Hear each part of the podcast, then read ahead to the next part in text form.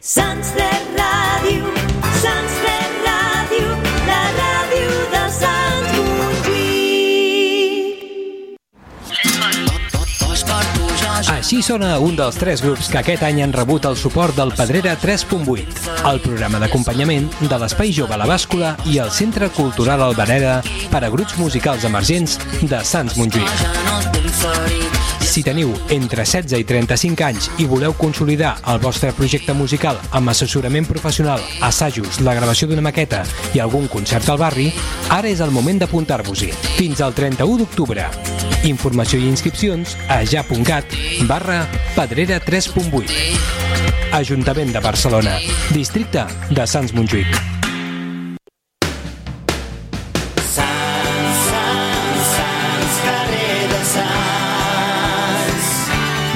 Donis més voltes per llocs tancats. I surt a conèixer l'eix comercial a cel obert més gran de Barcelona i el més llarg d'Europa, el carrer de Sants.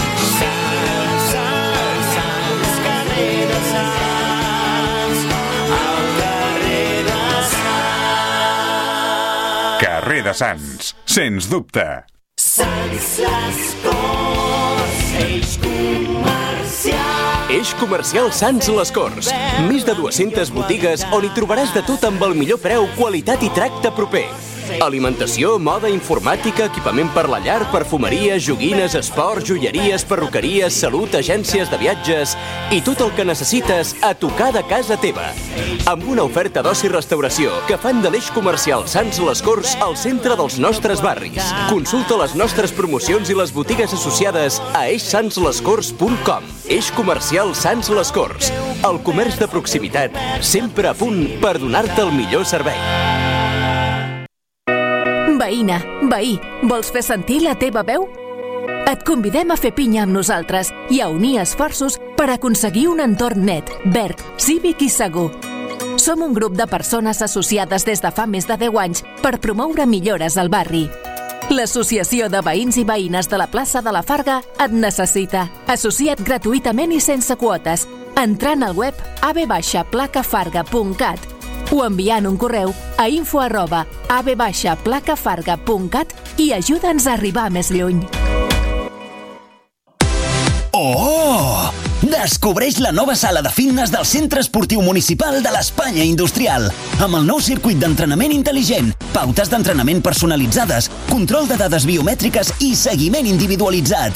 Vine a fer esport amb Atlas. Tens dos centres esportius amb tots els serveis, els millors equipaments i piscina al teu barri. A més, a Atlas hi trobaràs el personal més qualificat per assessorar-te i fer-hi cursos. Vine al Centre Esportiu Municipal de l'Espanya Industrial al costat de l'estació de Sants i al Centre Esportiu Municipal de la Bordeta a la plaça de la Farga. A què esperes per apuntar-te? Atlas, viu l'esport!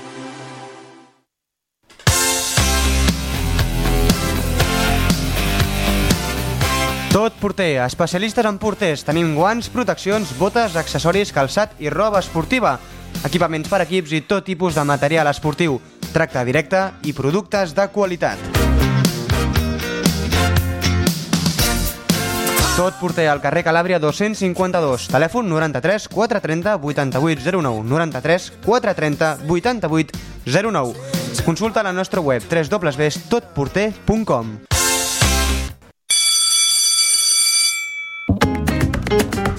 Cada diumenge a les 11 del matí Som Jaume I, l'emissora escolar de l'escola Jaume I. A Sants 3 Ràdio. I segueix-nos a Twitter. Sants 3 Ràdio, 103.2 FM. La ràdio de proximitat.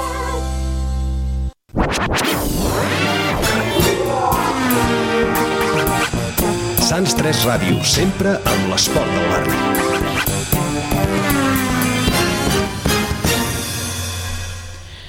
El districte de Sants Montjuïc és llar de molts equips que juguen molts tipus d'esports. Tots ells, des del seu camp, la seva pista o la seva piscina, persegueixen l'èxit i el districte esportiu intentem explicar-vos si ho aconsegueixen, si es queden a prop de l'objectiu o si han de seguir treballant-hi. L'èxit, però, pot agafar moltes formes. Pel BUC, un dels clubs de rugbi del barri, ser exitós és també ser inclusiu i acostar l'esport a les persones amb necessitats especials que d'altra forma no el podrien practicar. Aquesta voluntat es materialitza amb un entrenament de rugbi inclusiu, obert a tothom, que se celebrarà el dissabte 21 d'octubre a la Fuixarda. En parlarem amb la presidenta del club, la Mercè Roser Pérez, perquè a Sants ser exitós no és només marcar molts gols o fer molts triples. Són les 8 i 7 minuts, benvinguts al districte esportiu. Porto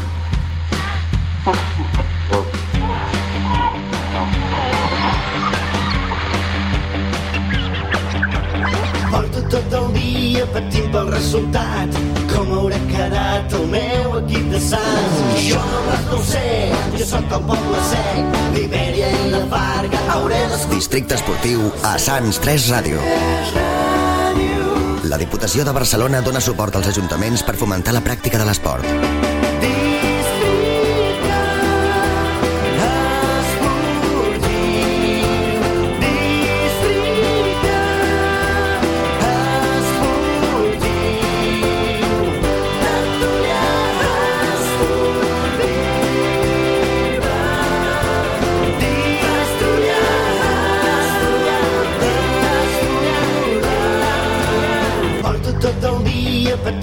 Resultat Com haurà quedat el meu equip de Sants. Jo no ho sé, jo sóc el poble sec Libèria i la Farga hauré d'escoltar teu Sants 3 Ràdio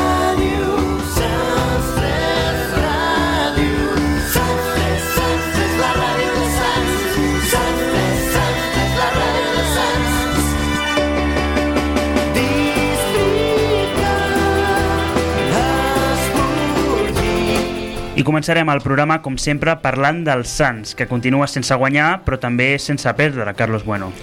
Doncs sí, l'equip de Borja López va aconseguir puntuar en un camp complicadíssim com el del Vic. Analitzarem el partit, com sempre, amb el Dani Chueca i amb declaracions de l'entrenador. La celebració, de fet, doncs, podria haver estat doble, sabrem si ho va ser, eh, parlant del Sants femení, oi, eh, Jan? Doncs sí, però és, no va ser doble perquè va caure àmpliament a casa del Sant Cugat, per 4 a 1.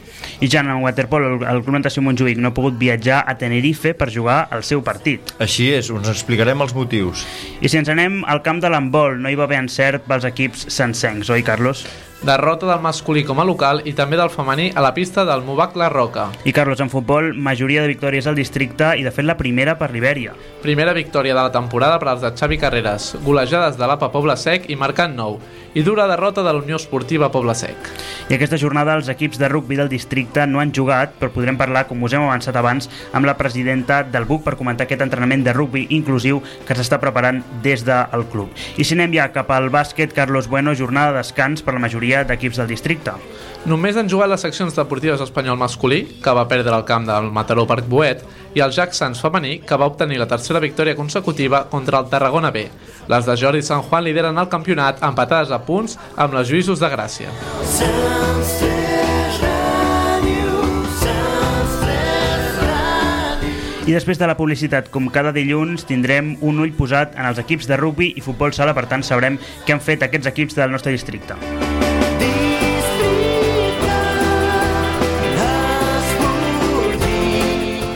I a propòsit de l'empat dels Sants, que tot seguit us explicarem, eh, us preguntarem als oients, eh, via Twitter com sempre, la següent pregunta, Jan. Per vosaltres, la dinàmica de l'equip és positiva o cal millorar? I us donarem dues opcions, si és positiva o si és negativa. Us recordem que podeu respondre a l'enquesta interactiva del nostre Twitter a D3 Esportiu. Districte Esportiu. Troba'ns també a les xarxes socials i respon a la nostra pregunta de la setmana. Al Facebook, facebook.com barra districte esportiu. A l'enquesta interactiva al Twitter, twitter.com barra D3 esportiu. Amb imatges a Instagram, arroba D3 esportiu. Per correu electrònic. Districte esportiu arroba sans3radio.cat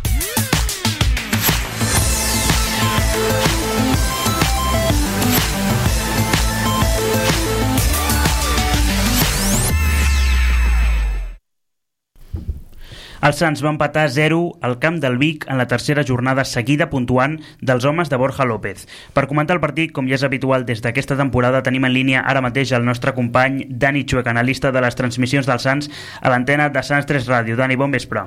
Bon vespre. Abans de res, Dani, anem a escoltar la teva reacció en calent, tot just l'àrbitre va xiular al final del partit. Tres partits seguits puntuant, que això feia molt de temps que no li veiem als Sants en aquest sentit, eh, tres partits seguits puntuant, després de les males ratxes que acumulava des de principis d'any l'anterior plantilla, que no veiem resultats així de positius pels homes de Borja López, Dani, ara que ja has pogut reposar una mica el resultat, el partit, que han passat una mica de dies, comentaves que la dinàmica per tu és positiva, tot just estem preguntant això als nostres oients. Creus eh, ara eh, que has madurat una miqueta, la, que han passat una mica de dies, doncs això, que, que realment els Sants doncs, estan en un bon camí? Sent una plantilla com és completament nova, que han quedat tan pocs jugadors i sovint s'estan trobant contra equips on el bloc és també ma- manté el gruix de la temporada passada, tot el contrari que el Sants, que és gent que es coneix molt bé, gent que porta anys jugant junta, doncs s'estan aconseguint resultats de mèrit, sí que l'inici va ser una mica complicat, però de moment tres porteries a zero, um, estava comptant aquí 5 punts de nou, doncs tampoc eh, venint d'on venim tampoc és una situació gaire negativa, sí que la gent potser estarà més acostumada a reaccions ràpides a partir de que es comenci a rodar la bola, doncs victòria rere victòria rere victòria, però eh, encara hem de tenir una mica de paciència. De fet, Borja López insistia en declaracions a Sant 3 Ràdio a reivindicar aquesta dinàmica de l'equip. Crec que les sensacions són bones, eh, l'equip continua creixent a nivell individual, a nivell col·lectiu. Eh, crec que avui davant d'un gran rival eh, hem aconseguit molt poc eh, i crec que hem atacat millor que potser la setmana passada a ca- a casa contra Sant Boià o la segona part a Camp de Rubí i crec que els dos equips hem tingut alguna opció per avançar-nos, ningú dels dos eh, l'ha acabat d'aprofitar amb la qual penso que el punt és just, bon treball de l'equip, portaria a zero i, continu i continuem creixent. Ara sentíem, Dani, que la- l'equip, segons Borja López, ha millorat en atac respecte a la jornada anterior, tot i que és cert que en aquesta jornada ha sigut empat a zero, no s'ha encaixat, però tampoc s'ha marcat. Tu vas notar realment aquesta millora en atac? A veure, va quedar una mica tapada també pel potencial del Vic i tota la seva feina tant en defensa com en atac. Ho, coment, ho comentàvem amb l'Albert durant la retransmissió que comparat amb el partit de la setmana passada contra el Sant Boià sí que va faltar una mica més de mossegada, una mica més d'empenta i que el Vic era un autèntic huracà en segons quins moments amb Flavi André Ribeiro, l'extrem dret que també va fer molt de mal, sobretot a la primera meitat, una mica menys de la segona, ja falta de la fatiga, però en algunes ocasions es va arribar, de vegades encara faltava una mica per concretar, però sí que mm, potser que li falta al Sants és una mica de gol, però estan intentant generar en ocasions com poden. Potser és això, estem acostumats a, a partits de, mm, emesos en televisió per pagament on es generen 20-30 ocasions entre tots dos equips i és complicat eh, venir d'on venim, però ara mateix eh, s'està creant aquesta dinàmica, intentar una mica de més a més. A més, aquest any el, el Sants té pólvora en atac, té jugadors i també és cert que hi ha hagut uns quants lesionats en les últimes setmanes, ho comentava el Borja en l'entrevista postpartit, de manera que potser anar una mica justos de personal en aquest duel. Sí, de fet, en aquesta mateixa entrevista postpartit, Borja López, quan se li preguntava sobre si realment s'ha millorat en atac, era molt contundent. A escoltar-lo. No, no crec que, que li falti gol. Sí que és veritat que no estem, es- no estem encertats de cara a porta, eh, estem tenint una mitjana de 4 o 5 ocasions dintre d'aquestes 4 o 5 i a lo millor un dia tens una molt clara i la resta no són tan clares o hi ha dos, però crec que l'equip està generant cada cop millor, cada cop l'equip defensa millor, cada cop eh, l'equip ataca millor i això crec que eh, es veu reflexat en el camp. Eh, crec que a la que entri la primera o algun dia tinguem aquest punt d'encert crec que la resta vindrà rodat. Per tant, podem dir que és senzillament que la pelota no acaba d'entrar, que no hi ha sort, que no es materialitzen aquestes cinc ocasions que es té, com deia l'entrenador ara, a- en els partits, o creus que potser fal, fa falta autocrítica, fa falta millorar? No sé, no sé com ho veus tu. Mm, també depèn molt del punt de vista. Sí que a vegades pot semblar que la piloteta no vol entrar, com diu el tòpic, i hi haurà gent que pensi que necessita l'equip una empenta més. És qüestió de punts de vista. Mm, jo no ho acabo de tenir clar del tot, sí que mm, estan arribant, però potser des de, des de les alçades no, no s'acaba de veure tota la feina que hi ha darrere, tots els entrenaments i tots els esforços que es van creant. I també el rival fa una feina important a l'hora de tapar una mica aquests esforços i aquesta bona dinàmica positiva si, tot, si aconsegueixen que el que se't quedi gravat al cap són les ocasions contràries. I ja de cara a la propera jornada, el Sants rebrà l'energia eh, al canvi de LED, que és el quart classificat de la Lliga Elite i, de fet, l'únic equip, juntament amb l'Europa B, que encara no ha perdut cap partit des que va començar la temporada. Per tant, doncs, un, un rival de força entitat, que veurem doncs, què tal li va. Ja sabem que al Sants doncs, li encanta guanyar contra els grans equips, com vam veure la temporada passada amb l'Europa, per exemple. Per tant, caldrà veure, però en tot cas anem a escoltar el que deia Borja López sobre el seu pròxim rival, que el definia així. Molt bon equip, eh, amb un bloc que porta molts anys jugant junts, eh, amb un bloc que es coneix de memòria, eh, que té jugadors importants, que han jugat a categoria superior, encara que ara estiguin eh, competint a Lliga Elit. Eh, a part són una pinya, són un grup d'amics, eh, amb la qual tot això també influeix en, de manera positiva i a passar de, de que aquest any eh, van canviar l'última hora d'entrenador, eh, és una metodologia que de treball, que vingui l'entrenador que vingui, de la base o, o el que sigui, eh, l'equip jugarà de la mateixa manera, amb la mateixa idea i amb, amb el els mateixos conceptes. Dani, estem parlant, per tant, del 14è contra el quart. Eh, què n'hem d'esperar d'aquest partit? És potser dels tres que va, eh, partits que vaig assenyalar la setmana passada, potser el més perillós, perquè tenint en compte com el canvi d'Alet ha estat un equip sorpresa, podríem dir, aquesta temporada, encara no ha perdut, està lluitant-li la capdavantera de la classificació amb el Lloret i els filials, i ara el que deia el Borja, un equip que es porta anys coneixent-se contra un equip que porta des del juliol només um, en sintonia, podem tenir un duel molt interessant eh, en aquest sentit. Sí que li farà falta potser al Sant estar alerta perquè bé que el resultat de l'empat a 0, una altra porteria ha estat positiu, però sí, 14a posició, la resta han fet la seva feina contra el quart i amb tots aquests al·licients haurem d'esperar un duel perillós i alhora interessant. Molt bé, doncs gràcies Dani, ens tornem a escoltar la setmana que ve ja quan s'hagi jugat aquest partit, a veure què ha fet el Sants i a veure si doncs, s'ha aconseguit doncs, mantenir aquesta bona dinàmica que diu Borja López que, que té l'equip. Perfecte, moltíssimes gràcies. Molt bé, doncs i si fem un cop d'ull a la resta de la jornada, Irene, com els ha anat a la resta d'equips de la Lliga Elite? Doncs de victòries locals, aquest cap de setmana n'hi ha hagut 3. El primer, la primera tot, el Figueres, que va golejar 4-2 a l'Horta, seguit del Rubí, que va aconseguir superar l'escola esportiva de Guinaueta per 2-1, i per últim el Sant Boià, que no va fallar davant del Valls i va acabar doncs, guanyant per un resultat final de 3-1. I pel que fa a victòries visitants? Doncs en tenim dues. Per la primera tot, després de l'ascens de l'Europa A, a l'Europa B continua invicta i continua sent líder complet i absolut de la categoria i va, va aconseguir la victòria per 2 a 4 davant del Lloret. Després també tenim el Club Esportiu Atlètic Lleida, que va aconseguir guanyar 1 a 2 davant del Palamós. I quins han estat els empats? Doncs en tenim un empat a 1, que és el canvi d'alet davant del Sabadell, un empat a 2, que és el del Viladecans contra el Granollers, i l'únic partit sense gols d'aquesta jornada és justament el que ja hem comentat, que és el del Sants. I Jan, si fem una ullada a la classificació, qui lidera la taula? Doncs, com deia la meva companya Irene, el de sempre, l'Europa, que manté el liderat amb 13 punts i de moment cap derrotes, 4 victòries i un empat. I en llocs de playoff d'ascens, qui trobem? Trobem el Sabadell, que segueix a prop de l'Europa, que ha empatat de, amb el Lloret a 10 punts. I en zona de descens?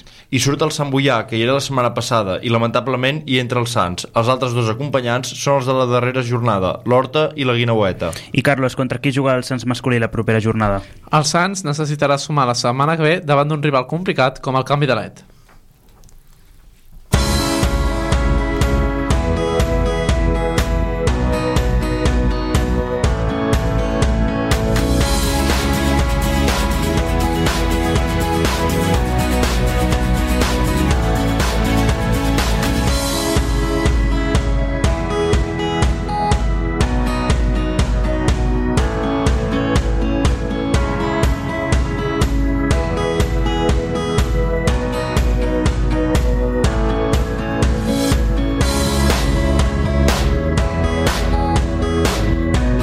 Fem un breu apunt sobre el Sants femení, Irene continua en una mala dinàmica que té inici de Lliga i segueix sense sumar cap punt, oi? Doncs sí, sembla que la- l'ascens de categoria doncs, ha sentat malament a les noies de, del Sants femení, que aquest cap de setmana acumulen la seva sisena derrota consecutiva i no van aconseguir doncs, superar el Sant Cugat eh, a casa del Sant Cugat i van acabar perdent per 4-1. Les noies sembla que, que aquesta nova categoria doncs, els, hi, els, hi va, els, hi, els hi va gran, diguéssim, i esperem, doncs, esperem que, re, que millorin els resultats les següents setmanes.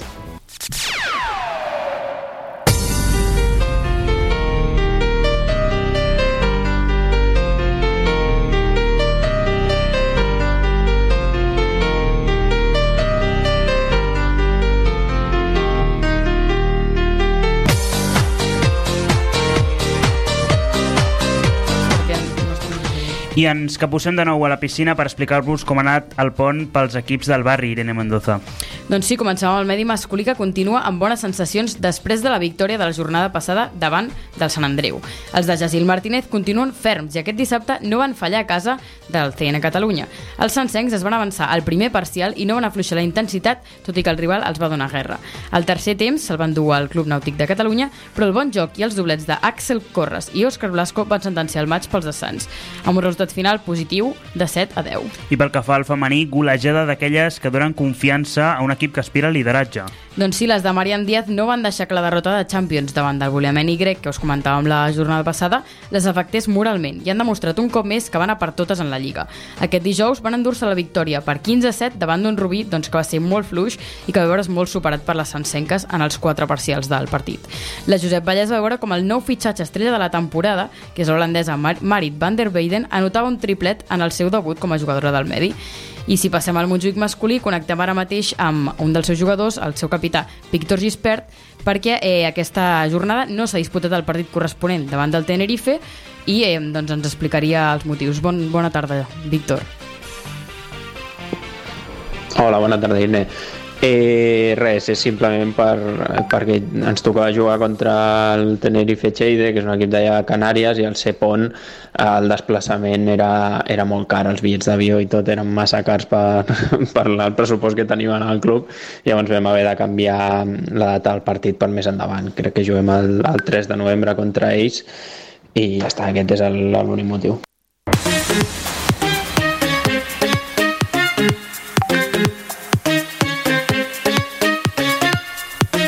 Entrem ara al terreny poliesportiu per parlar d'handbol on el Sants masculí va perdre davant del Bordils, Carlos. per un ajustat resultat de 25 a 28 en un partit igualat en el, qual, en el qual els locals no van aconseguir col·locar-se per davant en cap moment. El Sants, que va empatar el partit en fins a dues ocasions, va veure com el partit se li escapava en els últims 5 minuts, degut a un parcial de 1 a 4 favorable als visitants. Francesc Xavier, amb 8 gols, va estar l'home més destacat del conjunt sencer que acumula dues victòries i dues derrotes en el que va de temporada, uns resultats que el situen en setena posició. No va tenir encert tampoc el Sants femení, que va encaixar la segona derrota consecutiva. va estar a la pista del Movac La Roca per 32 a 28. Tot i un inici de partit molt igualat, en el qual es va arribar amb empat a 8 a l'equador de la primera part, les sencengues no van poder mantenir el ritme i van acabar en el remolc la resta del partit. Tot i situar-se només a un gol a falta de 10 minuts, les locals es van mostrar superiors en els darrers instants i no van permetre la reacció del conjunt de Sergi Rotjan. Irene Sanz Irene Santi, Santisteban va tornar a destacar una jornada més anotant 10 gols, però les xifres golejadores de la jugadora dels Sants no estan sent acompanyades amb bons resultats de l'equip, que es situa 11 a la classificació. Sábado noche 19.80 Tengo bebida fría en la nevera. Luces neón por toda la escalera. Toque de glitter, chupito de absenta. Y me pongo pibón. Districte Esportiu, cada dilluns a les 8 del vespre a Sants 3 Ràdio. Presentat per Anna Palet, Albert Postils, Judit Tomàs, Irene Mendoza i Bru Domingo. Noche ochentera Toda la noche entera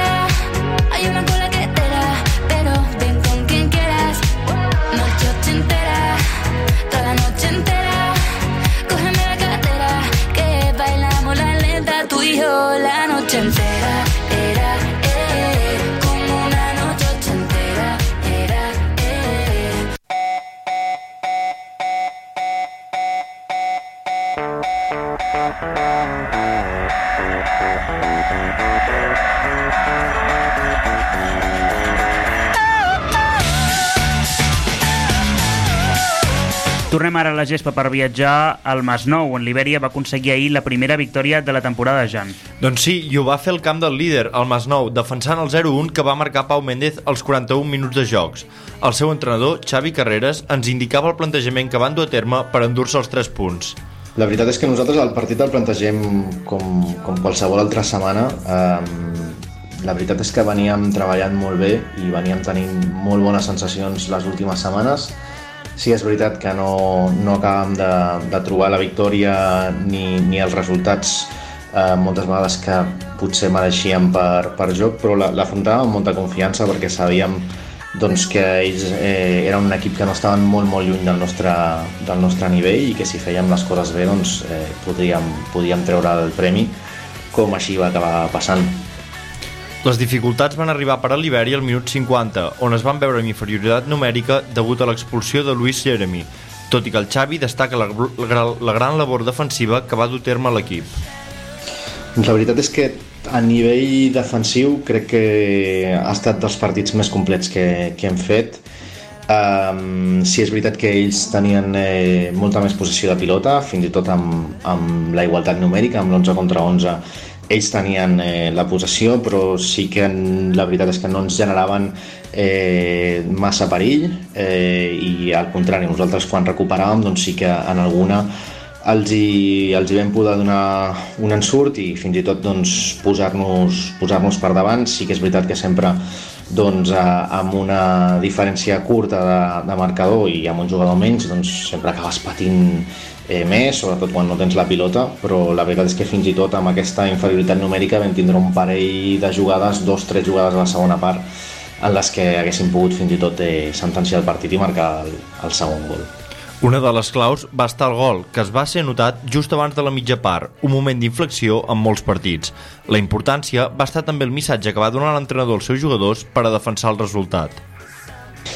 Bueno, el context de la mitja part és un context que ja havíem viscut eh, feia tres setmanes a l'Ametlla, on, on també els visitàvem eh, portant ells 9 punts de, de 9 possibles i, i la veritat és que la primera part fent un bon partit ens, ens anem al descans amb, amb 0-1 i el missatge va ser molt, molt semblant no? d'intentar seguir fent les coses que estàvem fent bé perquè estàvem bé en el partit eh, d'intentar que no es passés el que ens va passar a l'Ametlla que és que ens vam quedar amb 10 que això no, no ho vam aconseguir i molt aviat eh, doncs vam rebre aquesta expulsió que comentàvem abans i, i de seguir doncs, eh, doncs fent el que, el que estàvem fent no? perquè ens estava, la veritat és que el partit tot i que, com et deia abans, la pilota no la teníem nosaltres, teníem la sensació de que estàvem controlant el joc i de que els hi podíem fer mal eh, en qualsevol, en qualsevol contraatac. El míster va expressar també que no suposaria un gran canvi a nivell de joc, que l'equip ja estava competint i que la feina s'estava fent bé.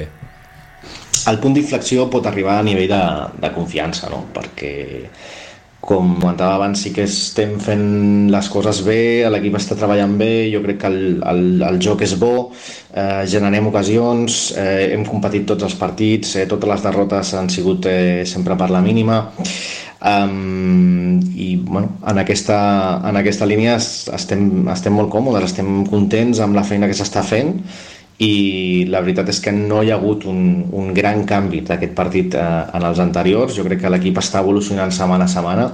És un bloc molt nou i portem poc temps treballant junts eh, i aquesta evolució existeix. Nosaltres, eh, tot i la mala ratxa de resultats que sempre preocupa i a ningú li agrada doncs, doncs, eh, perdre, o no aconseguir la victòria. Um, nosaltres sempre hem estat força tranquils. Evidentment, eh, doncs, bueno, la classificació doncs, apreta una mica, però bueno, som conscients de que, de que això està, està començant i de que si seguim aquesta línia eh, crec que, que podrem aconseguir l'objectiu eh, segurament amb dificultats perquè és una categoria molt complicada tots els equips et competeixen i al final molts partits eh, s'acaben decidint en, en, en detalls, amb, amb, amb coses que, que, bueno, que, que, que potser hem de millorar eh, i hem de saber gestionar una mica millor, però, però bueno, la veritat és que el punt d'inflexió jo crec que només pot ser en quant a aquesta confiança, no? en quant a veure que aquesta feina que s'està fent i el, el bon joc doncs, eh, es tradueix en, en resultats, no? que és el que fins ara ens estava faltant. Esperem, doncs, que la dinàmica canvi i segueixin arribant els bons resultats per a l'Ibèria. I a tercera catalana, la Unió Esportiva Poble Sec no va tenir el mateix encert. Dura derrota per la Unió Esportiva, que es va veure superat per 2 a 6 davant el Vall d'Oreix. Els locals no van saber aprofitar la superioritat, numèrica, després que al minut 6 els visitants es quedessin amb un menys. Tot i remuntar el 0-2 inicial i igualar el partit, els visitants es van fer forts a la represa i al minut 20 de la segona meitat ja es trobaven per davant el marcador amb un resultat de 2 a 5. Les forces es van igualar al minut 72 amb l'expul- amb l'expulsió de Bel i no va estar fins a l'últim minut on els d'Enrique Silvestre van anotar el definitiu 2 a 6. És la segona derrota consecutiva que encaixa el conjunt dirigit per Luis Gallarde, que buscarà capgirar la situació aquesta setmana en la seva visita al canvi de LED. I l'APA Poble Sec sí que va aconseguir sumar els 3 punts en la seva visita al Birrojita de Catalunya, Carlos. I de manera contundent, per 0 a 3 i per sumar la segona victòria consecutiva. Amb una bona primera part, l'APA marxava amb un avantatge 0-2 al descans, gràcies als gols de Quim Soler i de Christopher Augusto. A la represa, l'APA es va veure amb superioritat numèrica, després de l'expulsió al minut 50 del jugador local Pedro Ramon. El definitiu 0-3 va arribar a falta de 5 minuts per al final, obra també de Quim Soler que aconseguia un doblet. D'aquesta manera, l'APA situa sisè a la classificació i rebrà la setmana vinent els veterans Catalunya. I el Mercat Nou segueix amb la seva dinàmica guanyant i convencent, Irene. Doncs sí, és una cosa bastant inèdita pels que estàvem aquí la temporada passada i, per- i escoltar això realment és, ens alegra molt perquè la temporada passada el Mercat Nou doncs, no, tenia, no tenia gaire bons resultats. Però aquesta setmana doncs, ha golejat. De fet 7 a 0 davant del Balandrau. Els de Josep Ramon no van donar opcions als visitants i inspirats per Carlos Alberto que va aconseguir un hat-trick segueixen amb la seva ratxa de victòries el resultat de 4 a 0 al descans va donar tranquil·litat als locals que van certificar la victòria amb 3 gols més després de la mitja part la resta de gols els van anotar Alejandro Rodríguez, Guillermo Soriano, Eloi Ibañé i Augusto Rabé. El Mercat Nou doncs, es manté d'aquesta manera com a líder invicte del grup 20 de quarta catalana, juntament amb l'Hospitalense, que és l'únic que el segueix al ritme. La setmana vinent l'equip visitarà el camp del Barcelona Sporting Club d'Espanya. Sábado noche 19.80 Tengo bebida fría en la nevera. Luces neón por toda la escalera. Toque de glitter, chupito de absenta. Y me pongo pibón.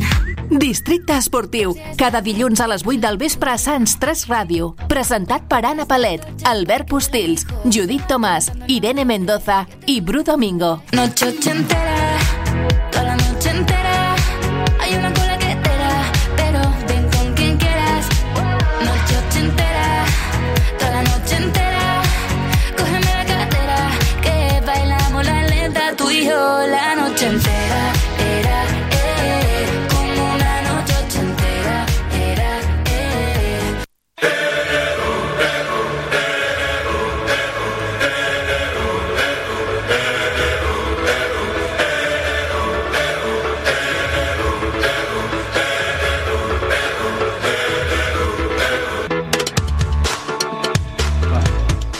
I obrint la carpeta del rugby, aquesta jornada no s'ha jugat cap partit i tal com us avançàvem al sumari del programa, aquest cap de setmana el BUC farà un entrenament diferent als habituals. La Fuixarda acollirà aquest dissabte un entrenament de rugby inclusiu. Per saber-ne una miqueta més de detalls tenim en línia a la presidenta del club, la Mercè Roser Pérez. Mercè, bona, bon vespre. Hola, bona nit. I també tenim en línia a l'Oriol Fernández, l'entrenador de l'equip inclusiu del BUC. Bon vespre, Oriol. Bon vespre. No sé, a veure si ens podeu així per començar a explicar-vos una miqueta més en què consistirà aquesta activitat, quin horari tindrà, com l'heu planificat.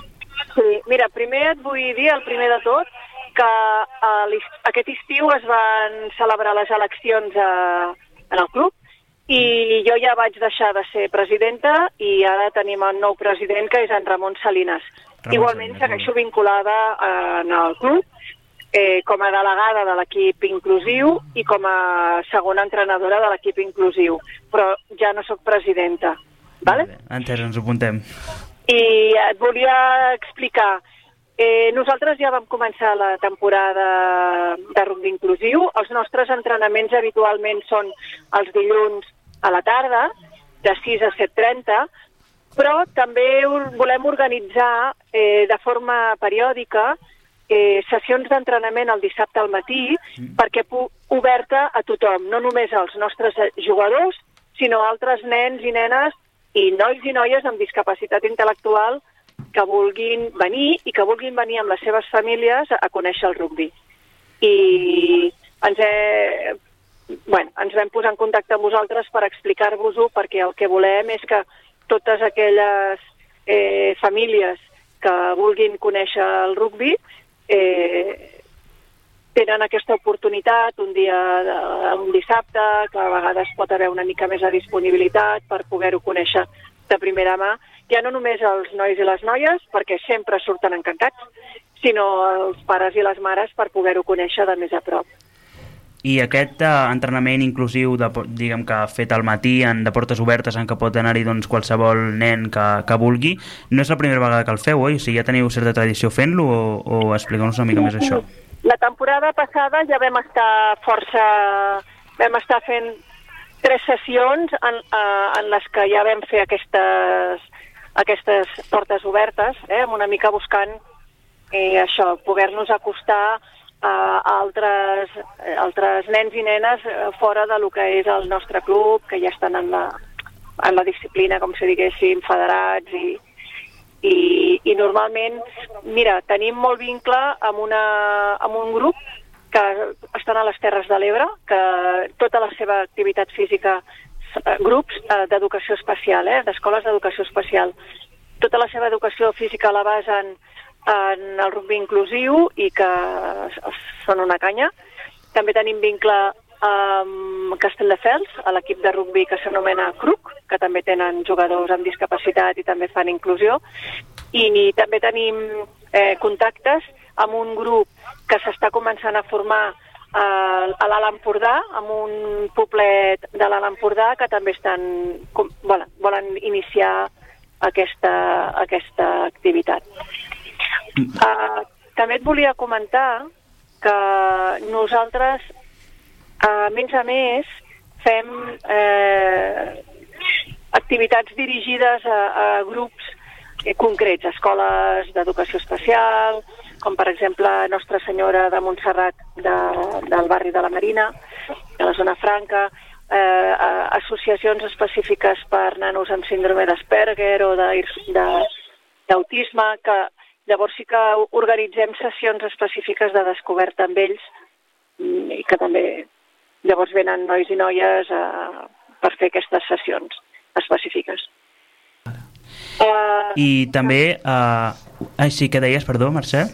Bueno, que a més a més aquest dissabte serà una data xula perquè nosaltres eh, celebrem el, com a club, eh, com a Barcelona Universitari Club, celebrem a l'inici de la temporada esportiva. Llavors, pràcticament totes les categories, des de inclusiu, els més petitons, les categories dels, dels nostres nois i noies i després els nostres sèniors competiran des de les 9 del matí fins a les 8 del vespre hi haurà competició i serà una festa. Tothom que vulgui venir a veure rugbi, des dels més petits als més grans, el dissabte eh, veurà la grada vestida de negre i tots els jugadors del BUC amb les seves diferents categories competint. Doncs ja sabeu, esteu convidadíssims a venir doncs, a veure doncs, aquesta jornada tan intensa de, de rugbi i volia preguntar-te, eh, Oriol, um, tu que ets l'entrenador de l'equip inclusiu, no sé, que ens expliques una mica, no sé si anteriorment doncs, has entrenat equips que no siguin inclusius i, i també el fet d'entrenar en un equip inclusiu, què implica, com et planifiques els entrenaments i, i de quina manera ho, ho fas? Bueno, intentem que un entrenament de rugby inclusiu eh, sigui igual a un entrenament de qualsevol, bueno, qualsevol categoria de, de rugby.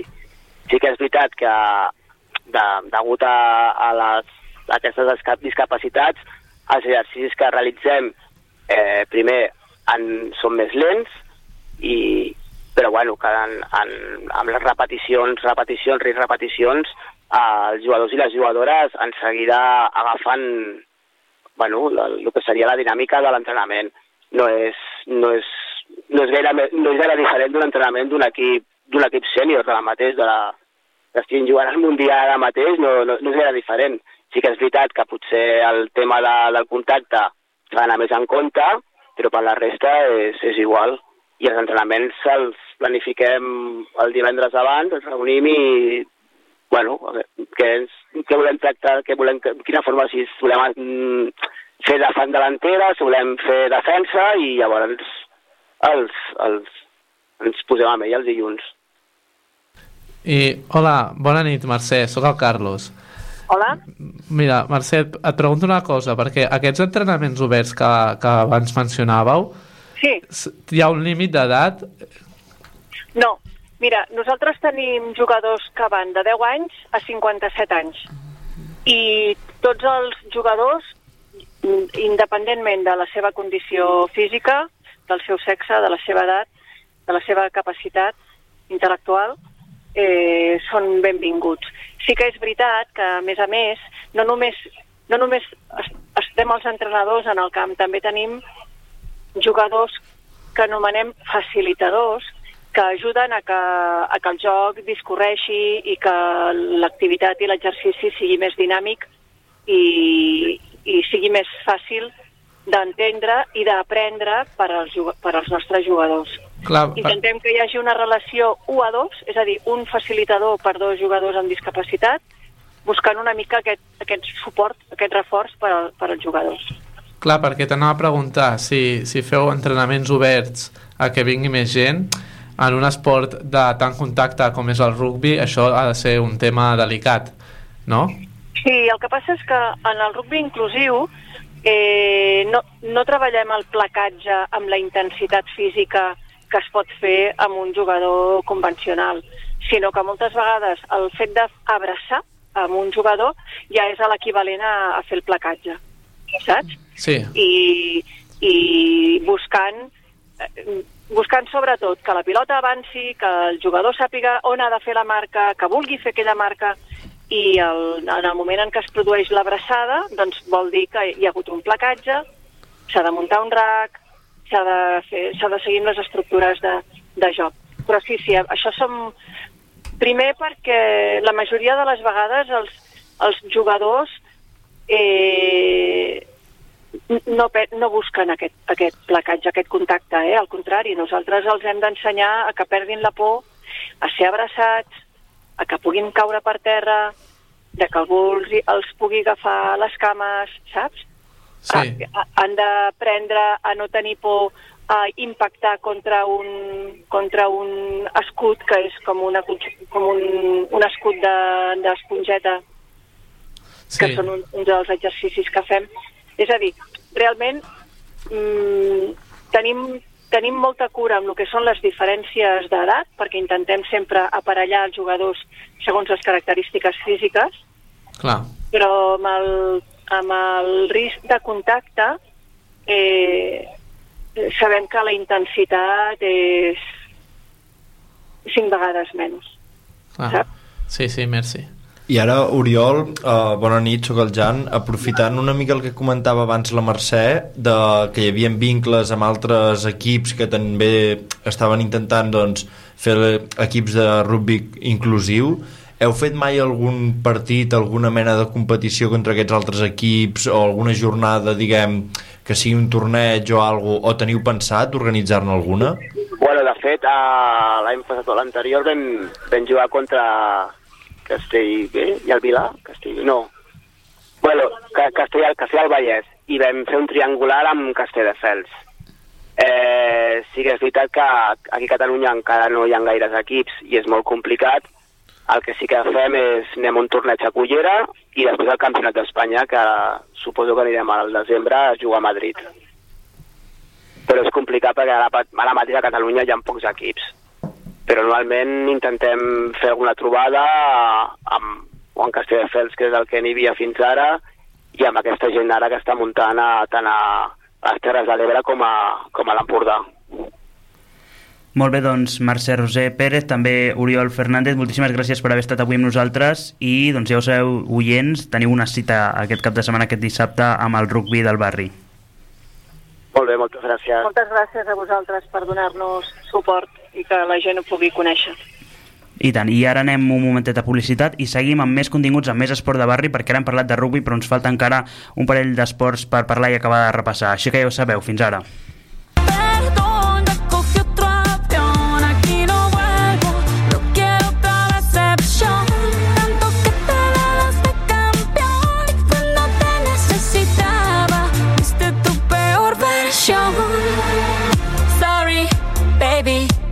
Hace rato que yo Districte Esportiu, cada dilluns a les 8 del vespre a Sants 3 Ràdio. Presentat per Anna Palet, Albert Postils, Judit Tomàs, Irene Mendoza i Bru Domingo. como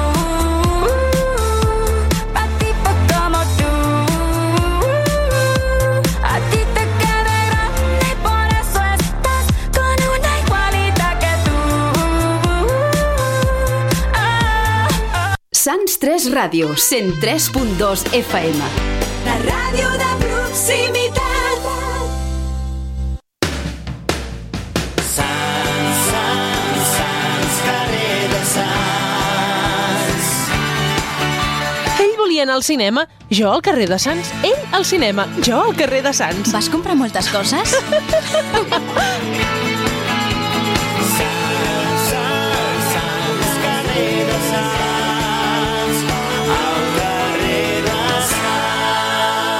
Què n'és de gran Barcelona? Carrer de Sants. Vols canviar les finestres de casa teva per unes de més estalvi energètic? Se t'ha trencat un vidre o un mirall? Vols canviar la porta del teu comerç? Vols posar un tendal o una persiana? Vols posar una mosquitera? Vols canviar la banyera per un plat de dutxa? Truca a Vidres Pallarola, el rei de la mampara. Des de l'any 1967 al teu servei. Al carrer Badalona número 10 de Barcelona. Telèfon 93 339 35 34. Pressupostos sense compromís. Vidres Pallarola, el rei de la mampara. Oh! Descobreix la nova sala de fitness del Centre Esportiu Municipal de l'Espanya Industrial. Amb el nou circuit d'entrenament intel·ligent, pautes d'entrenament personalitzades, control de dades biomètriques i seguiment individualitzat. Vine a fer esport amb Atlas. Tens dos centres esportius amb tots els serveis, els millors equipaments i piscina al teu barri. A més, a Atlas hi trobaràs el personal més qualificat per assessorar-te i fer-hi cursos. Vine al Centre Esportiu Municipal de l'Espanya Industrial al costat de l'estació de Sants i al Centre Esportiu Municipal de la Bordeta a la plaça de la Farga. A què esperes per apuntar-te? Atlas, viu l'esport!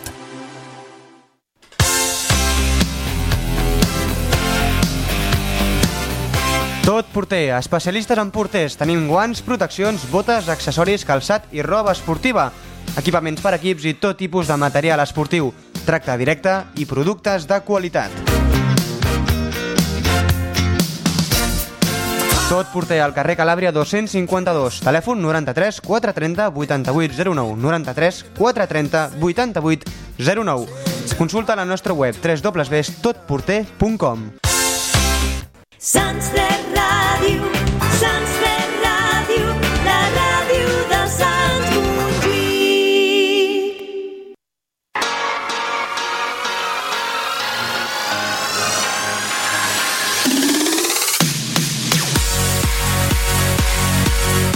I donem ara entrada al bàsquet parlant de la derrota de les seccions deportives espanyol contra el Mataró Parc Boet, Carlos. Sí, l'equip blanc i blau va ser l'únic en categoria masculina que va jugar aquesta setmana que per la majoria està de descans. Ho va fer el dijous contra el Mataró Park, com bé deies, i va perdre 102 a 61. L'equip va començar guanyant 3 a 7, però al quart minut ja anava per darrere, i en cap moment va ser capaç d'atrapar el seu rival, arribant a fallar 14 dels, dels 17 triples llançats. I en categoria femenina, però, el Jack Sands va lligar la seva tercera victòria consecutiva de la temporada per 71 a 44. Ho va fer a casa contra el Tarragona B, el mateix dijous, en un partit que havia estat ajornat i correspondria a de la primera jornada. L'equip de Jordi San Juan va estrenar el marcador amb un triple de la capitana, de la capitana Núria Junyent i va acabar el primer període amb 15 punts d'un avantatge que es van ampliant a mesura que passaven els quarts. El resultat final, una diferència de 27 punts i cap moment per darrere del marcador. Laia Ros va ser la destacada amb 15 punts d'un equip que ja ha sumat 3 de 3 victòries possibles i va líder del grup 3 de la fase prèvia de segona categoria catalana, empatat amb els Lluïsos de Gràcia. Si pienso en ti y ahora no estás Si pienso en que ya no estarás. No veo un altra que em vacili Crec que veig cap fumo mari,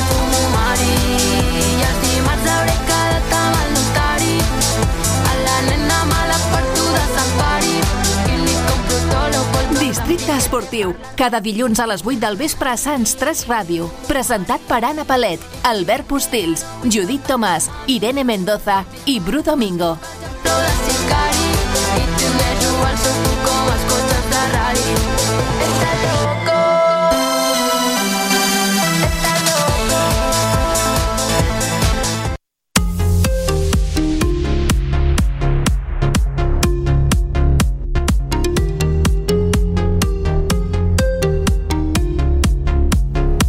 Futbol sala derrota del Sansur masculí, Jan.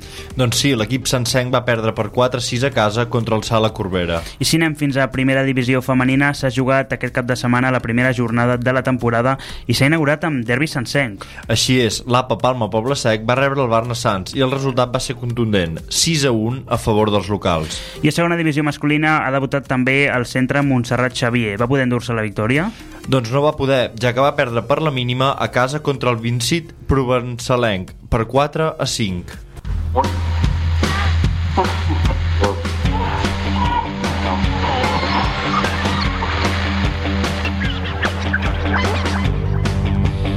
Molt bé, i ara havent repassat el futbol sala i quan són les 8 i 53 de la nit, eh, ja com a cluenda del programa, abans de doncs, ja donar pas a, les, a la programació que ve a continuació a Sants 3 Ràdio, anem a parlar d'un tema que segurament tots els que mm, segueixis o no segueixis l'actualitat crec que és una cosa que tots l'hem acabat veient perquè les xarxes en van plenen, també els mitjans, com, com és doncs, el tema d'Álvaro Prieto, ho hem vist, no? aquest jove doncs, a, del juvenil del Córdoba, de 18 anys, doncs, que ha estat trobat sense vida aquest matí, doncs, després d'uns dies eh, en els quals ha estat desaparegut i en els quals, doncs, evidentment, doncs, les forces de seguretat han estat buscant doncs, buscant-lo, a veure si el podien trobar en vida. Finalment ha sigut avui un reporter de televisió espanyola qui ha més en directe unes imatges que han estat molt qüestionades no? pel, pel fet doncs, de ser unes imatges que no compleixen amb el codi deontològic de Radio Televisió Espanyola i per tant ha sigut un tema molt criticat.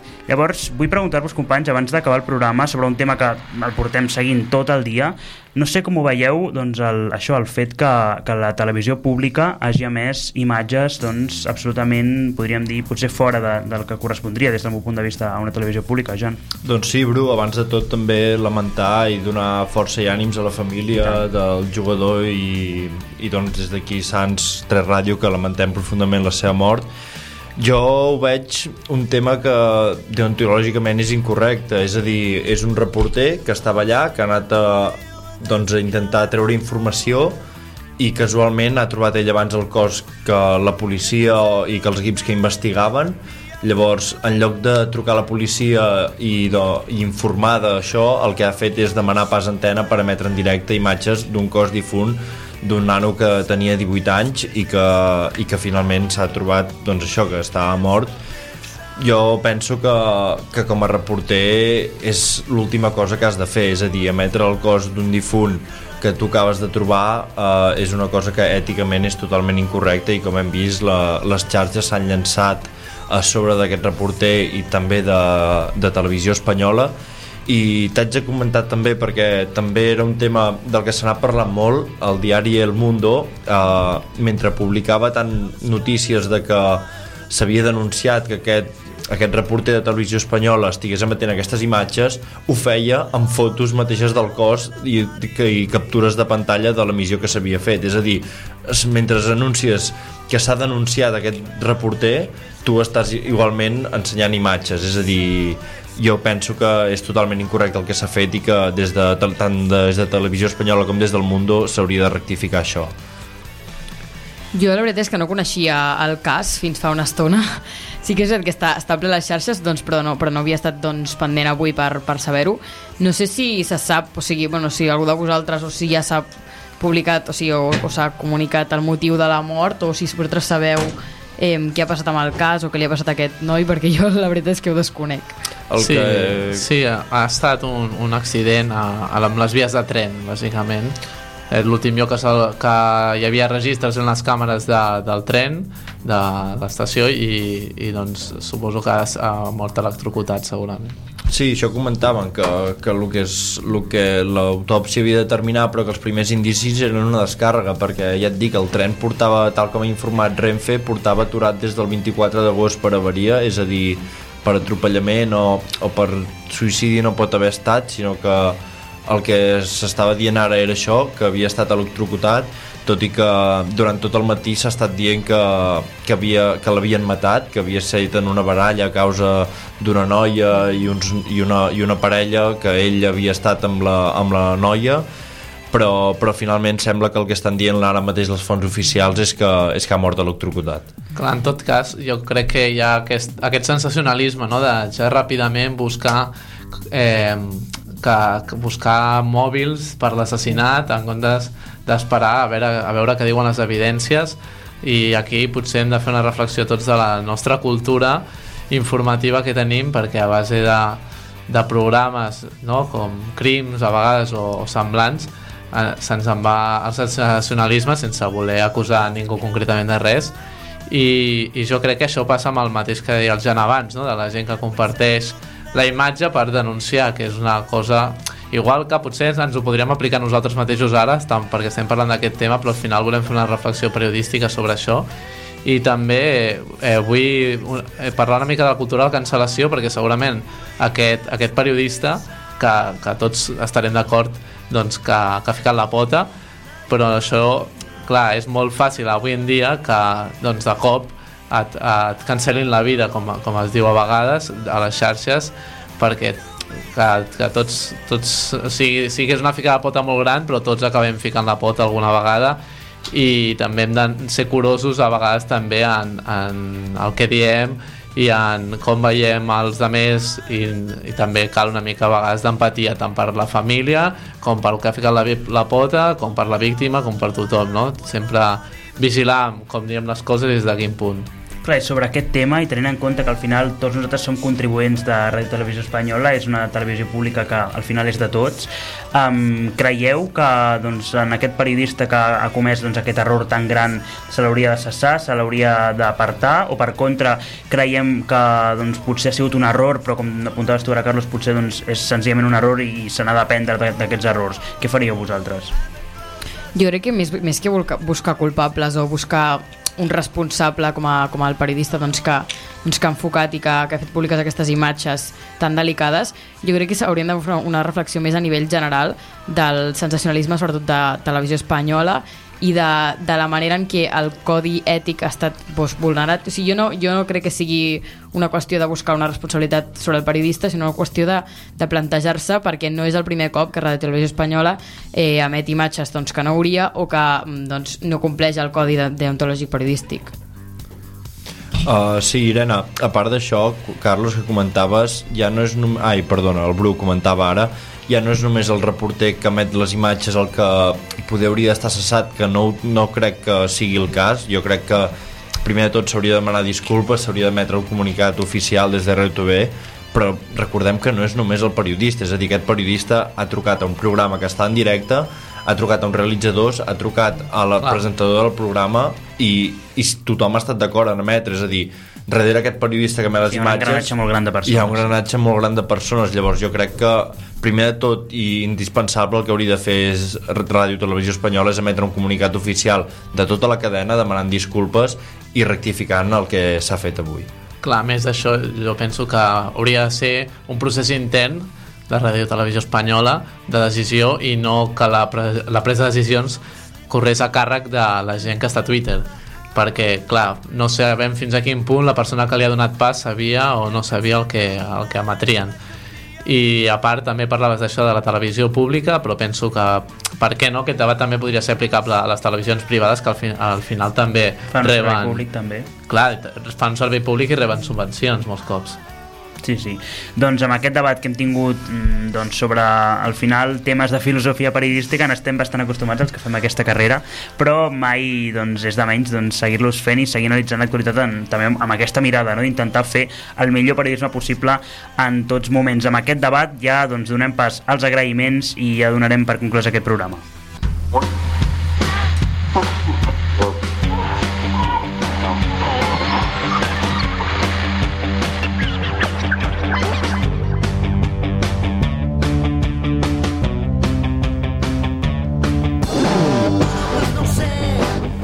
Ara agrairem doncs, tot el, a totes les persones que fan possible aquest programa la seva feina, que com sempre és indispensable, però abans de res anem a repassar la pregunta de la setmana. Us ho dèiem al principi del programa, us plantejàvem, després de l'empat dels Sants aquesta jornada, creieu com Borja López que la dinàmica de l'equip és més positiva o cal exigir-li més als Sants? Doncs vosaltres, oients, heu decidit que, eh, que l'entrenador, que Borja López té raó, un 71% heu dit que la dinàmica és positiva enfront a aquest 29% que diu que els Sants doncs, se li ha d'exigir més que doncs, la dinàmica ha de seguir millorant encara més.